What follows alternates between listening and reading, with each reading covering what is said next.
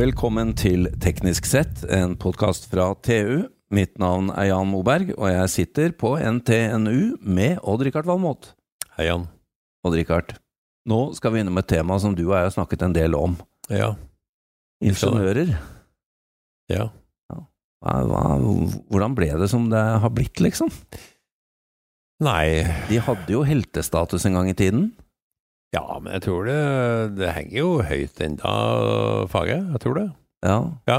men, eh, men det har jo vært en reise siden eh, industrialiseringen i Norge begynte, og ikke minst siden de tok til å utdanne ingeniører her hvor vi sitter, i Trondheim. Det har vært en lang reise. Vi er jo en slags sånn uh, influenseringeniører, vi. Ja, Det er jo populært nå. vi er ingeniører, men vi jobber jo ikke akkurat som ingeniører. Nei, vi gjør ikke det. Vi sitter ikke med det. Vi ing- ingeniører eh, sendinger og tekst. Det gjør vi. innhold. Ja. Men uh, dette er jo interessant, og eh, vi får jo legge til at nå tar vi utgangspunkt i det som har skjedd her uh, ved NTH, tidligere NTH og nå NTNU, sånn historisk. Og for å snakke om dette, så har vi fått inn eh, Per Østby, som er professor her ved NTNU. Eh, området vitenskap og teknologihistorie. Hei, Per. Hei. Nå må du forklare litt øh, hva som øh, skjedde. Og du, du må gjerne starte fra Er det rundt, rundt 1850 dette begynte? Ja, historikere pleier å legge industrialiseringsstart i Norge rundt 1840 eller 1850, Ja. sånn midt på 1800-tallet. Da eh, etableres de første tekstilfabrikkene og mekaniske verkstedene. Ja. Og Da, da ligger vi noen år etter Europa. da ligger vi en god bit etter Europa. Jeg tenker Da er jeg nesten inne i det som ofte omtales som den andre industrielle revolusjon. Ja. som startet i Tyskland og USA da rundt 1870. Men uh, vi er litt forsinka. Vi, uh, vi går inn i det der gan, eh, med, med en ganske enkle, enkle fabrikker i starten. da. ja. Og da er det tekstilindustrien og det er mekanisk industri. Også her i Trondheim, hvor vi nå sitter, får vi da fabrikken ved Nidelven, som produserer eh, i starten bare enkle støpjernsprodukter, mens på slutten, etter noen år, så produserer de lokomotiver og, og, og dampskip. Og det er litt rart å tenke på når altså, Trondheim var en bitte liten by i Euro Europas periferi. Ja. Men eh, produserte man det her for eksport?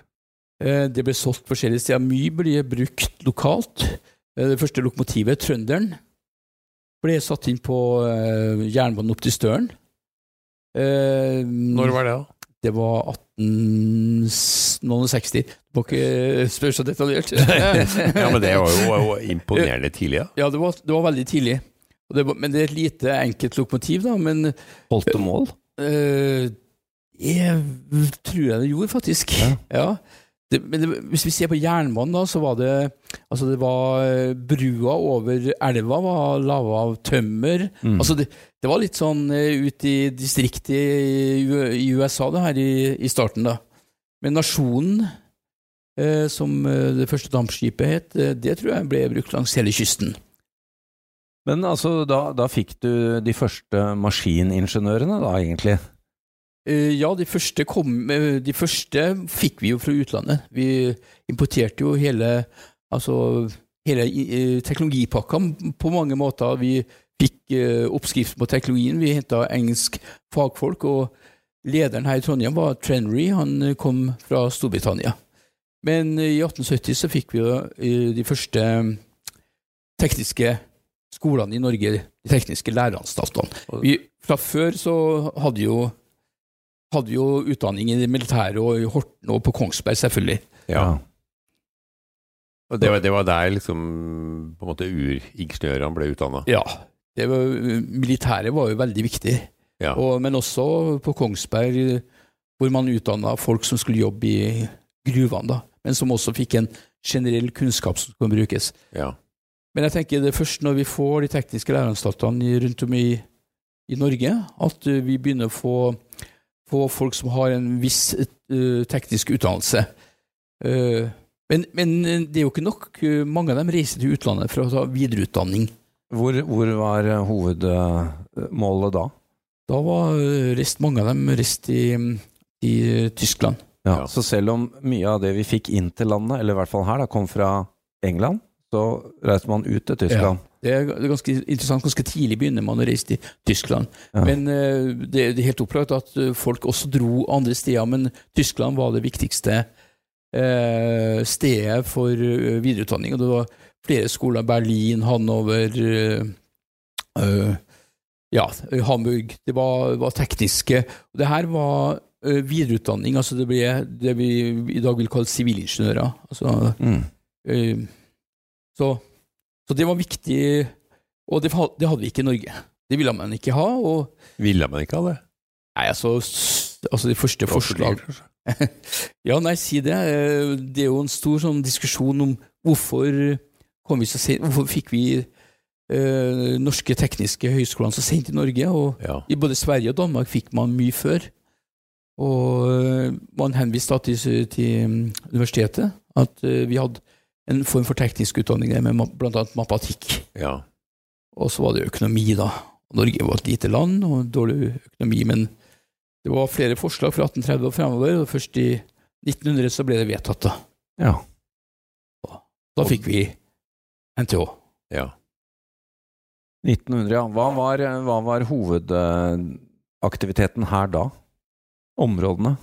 Uh, da tenker du høyskolen. Ja. Eh, nei, altså De første, de første laboratoriene var kjemi, maskin eh, Etter hvert eh, vannkraftlaboratorier. Altså Det er de første. Og det, kjemi var jo et veldig sentralt fag, men vi har sett særlig på maskinavdelinga, da, og der fikk du det som blir kalt maskinavdeling, fikk du to laboratorier. ja. Varmekraftlaboratoriet og vannkraftlaboratoriet i 1912 og 1917. Ja, for da er vi jo rett før en voldsom utbygging av vannkraft. Ikke sant? Og Nei, altså, det Vann Altså, vi har, vi har jo I 1905 så fikk vi jo Norsk Hydro. ja. Og Norsk Hydro hadde jo et problem med, med å skaffe ø, teknisk personale. Og Norsk Hydro, etableringa der var jo viktig for å få i gang ei utdanning her. Og uh, Kverner, Kverner Bruk, ja. ble en sånn sentral aktør for vannkraftlaboratoriet. De hadde behov for uh, mer utdanna folk, og uh, Kverner og, og vannkraftlaboratoriet ble nesten en sånn symbiose, veldig tett sammen. Folk Ja. gikk fra, fra vannkraftlaboratoriet til Kverner og tilbake igjen. Men da var ikke Gløshaugen populært øh, med bygninga, tenker jeg. Det var ikke så, det var ikke så mye her. Nei, vi hadde, vi hadde hovedbygget her, Ja. vi sitter i nå. Ja. Så hadde vi varmekraftlaboratoriet, vannkraftlaboratoriet, så hadde vi kjemisk og etter hvert fysisk eh, eh, eh, laboratorium. Kjemi, jeg må tenke litt etter, etter her. Eh, men varmekraft og vannkraft var Det var, Det var ganske øde oppe her. Det var en, det var en by med det, var, det her var på landet, Ja. Ja. vi, men vi så domkirka på andre sida da. Mm. Og vi, Og i dag er det jo åpenbart en del av byen. Ja. Du har, eh, etter hva jeg skjønner, delt inn, eh, delt inn tidsepokene i, i tre bolker, grovt sett. mm. Og det forteller jo litt om akkurat der du Det dere Ja. var inne på nå. Nei, altså, de første, hvis vi, hvis vi tenker oss at eh, ingeniør eh, utdanninga og ingeniørrollen kan deles inn i tre faser, så er det i starten her så er det jo tys, tyske ingeniører, eller, eller ingeniører som har også erfaring fra Tyskland. Ja. En tysk-inspirert eh, høyskole, hvor man diskuterer eh, i hvilken grad det her skal være teoretisk tungt eller praktisk tungt. Det er en stor debatt i samtida, hvor bl.a. Teknisk Ukeblad deltar. ja. Eh, Det vi ser, er at eh, høyskolen eh, og maskinavdelingene som vi har sett særlig på, ble begge deler. Ja, det er jo en diskusjon som er høyst aktuell i dag Ja. òg. Det, det, det er en veldig spennende diskusjon. Hva, hva, hva skal man vektlegge? Og, og det var ganske sterke meninger om det en gang i tida. Så var, altså, diskusjonen om det skulle være praksis først, hvor mye vekt skal legges på tegning, hvor mye som skal legges på, på vitenskap, altså matematikk og fysikk. Det, det er hele tida et spenningsfelt der som vi, vi kan følge hele veien oppover fram til i dag. da. Ja, du kom jo ikke inn på NTH med mindre du hadde ett års erfaring i industrien. Etter hvert så ble det kravet. Uh, Ja. Jeg lurer på om de første kullene uh, var uten de kravene. Ja. Men det ble et krav. Du Så ble det tatt bort. Ble, og så ble tatt ut. Ja. Tatt bort, ja. Men, men eh, det var ganske interessant. Folk var igjen ett år og fikk lære hvordan det var. For at De ingeniørene som kom ut herfra, de ble utdanna for å være captains og industri, altså ledere. Men de kom kanskje til små, enkle industribedrifter Ja. hvor de ikke kunne lese tekniske tegninger. Ja. oh, ja. ja, så, så, så mange, Det omtales ofte som praksissjokket. Altså det her var det her var en overgang. Altså Man hadde høyt utdanna fagfolk, men eh, industrien var i perioder ganske Deler av industrien var ganske enkel. Den var ikke klar for den type ledelse? Eh, deler av det var ikke. Nei. Nei, det er fascinerende. De var rett og slett for teoretisk tung for eh, liksom det praktiske de skulle jobbe med. Ja, en del plasser var det, var det faktisk det å begynne øh, Det var en som skriver at Vi skriver om en som han vil ha inn en dreiebenk i undervisninga. Sånn at folk lærer seg hvordan det er å være, uh, være og jobbe i en bedrift. da. Ja. Og jeg tror jeg ikke vi fikk det. For det, du har samtidig du har liksom to ytterpunkter her. Du skal på en måte være pra, uh, praktisk og nyttig, men så skal du også være ledende og fremragende. Ja. Så, så, så både utdanninga og, og hvordan for eksempel øvinga som blir lagt opp her på høyskolen, har bevega seg mellom det. Hvor mye matematikk, fysikk skal, ha, skal studentene ha? Eh, og hvor tidlig, og hvor mye, og når skal den spesialiseres? Det har vært sånne diskusjoner. Det har skifta vekten på spesialisering og vekten på mer generell eh, kunnskap har skifta gjennom tidene. Det er litt av en spagat å stå i, da. Det er en spagat. Ja. Ja. Men eh, vi, må jo, vi må jo spørre deg, eh, Per. Uh, du var litt inne på det. Captains of Industry. Altså, det er ingen tvil om at uh, de første ingeniørene i landet hadde en eh, bra status. Absolutt. Ja. det, det var jo Det her var jo De var få. De var veldig viktige, og de blir veldig synlige. Og eh, det var jo på godt og vondt, selvfølgelig. Men altså, i den grad de lykkes, så ble de veldig synlige, og de hadde i, i, si, i undervisning og i dagliglivet på, her på Gløshaugen, så, så var de uh, sterke autoriteter, da. Ja. Og det, de var de eh, ganske lenge. Men eh, hvor lenge varte denne tyske innflytelsen? Ja, den varte jo til det ble litt mindre populært på ja, attraktivt å, å dra til eh, videreutdanning i Tyskland. Nei, altså etter krigen, så er det helt klart og det var, og, Da skifter jo alt lærebøker. Ja. Altså, En ting var at de skrev lærebøkene sjøl i starten. Altså, de skrev av det som ble forelest. Men eh, ellers så var importerte lærebøker var tysk.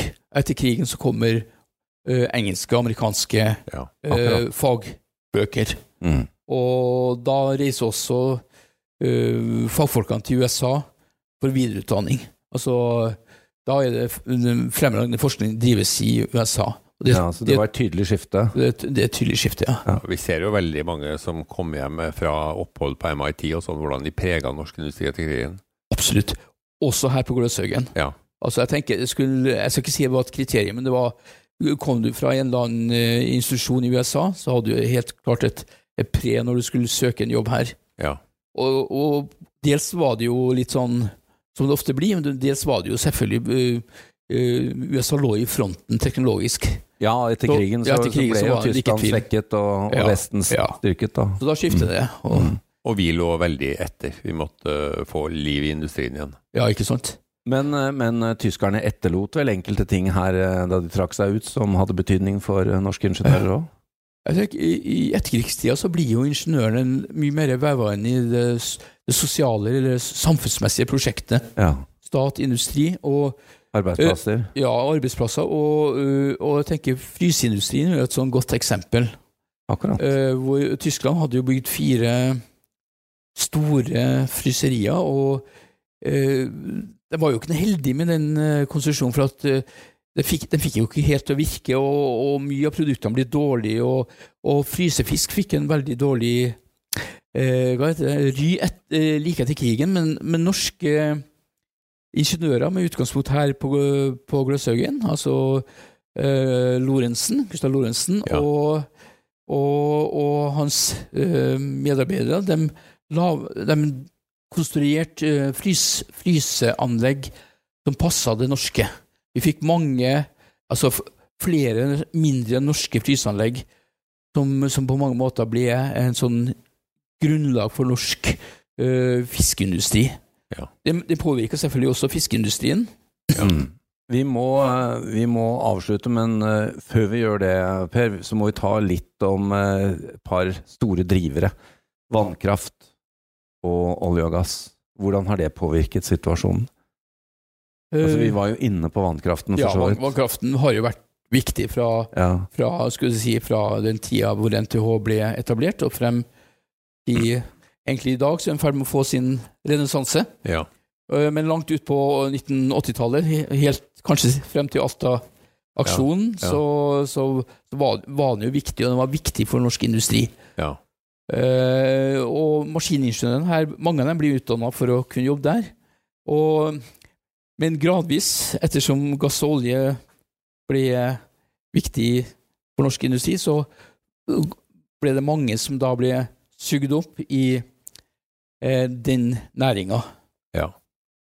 Uh, Så det er vel eh, sannsynlig at det er mye ufø, potensiell ufødt industri i Norge fordi at så mange gikk til oljen, vil jeg tro. ja, det er, et, eh, det er et veldig spennende poeng. Det er det. Eh, det blir litt sånn kontrafaktisk historie. Hva hadde skjedd Ja. om Ja. Så øh, Odd Rikard er opptatt av det fordi han, eh, han unngikk jo akkurat, å gå til olje- og gassindustrien. Ja, det, er vi fikk faktisk valget vi på Bergen, Ja. hvor jeg fikk vi- hvilken Ja. linje vil du velge, og jeg valgte feil. Eller jeg, jeg valgte riktig. Ja. vi gikk ikke, ikke til oljen. ja. Men ma veldig mange gjorde det. Ja, ja. Og, og det blir viktig. Halve klassen min Ja, gjorde det. ja, ikke sant? Ja, nei. Det var rett og slett bare krysse av her. Ja. nei, jeg, Ja. nei, men det er et interessant spørsmål, det. Altså, hva, øh, øh, hvilke muligheter ble tapt der? Ja. Men vi fikk mange. Um, per Østby, vi må avslutte med følgende hypotese eller spørsmål. Hva, med det du vet om historien, hva, kan, hva, er, hva ser du i krystallkula om fremtidens ingeniører? Altså øh, jeg, jeg tenker Hvis vi ser på de som er her på NTH, så, så ser jeg at øh, det å kunne øh, finne forskningspenger, skaffe øh, ha mange doktorgradsstudenter, ha gode nettverk ut mot industrien, er veldig viktig.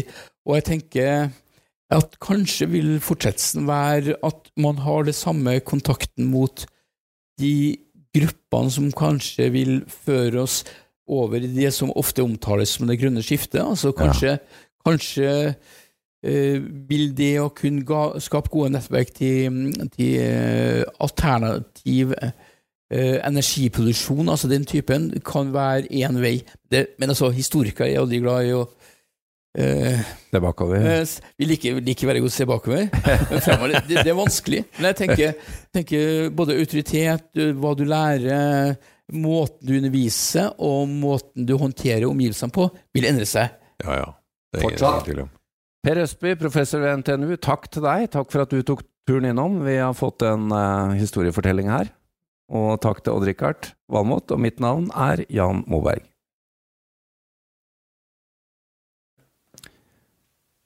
Dersom du ønsker å konsumere enda mer innhold fra oss i TU.no og Digg.no, anbefaler vi at du blir abonnent.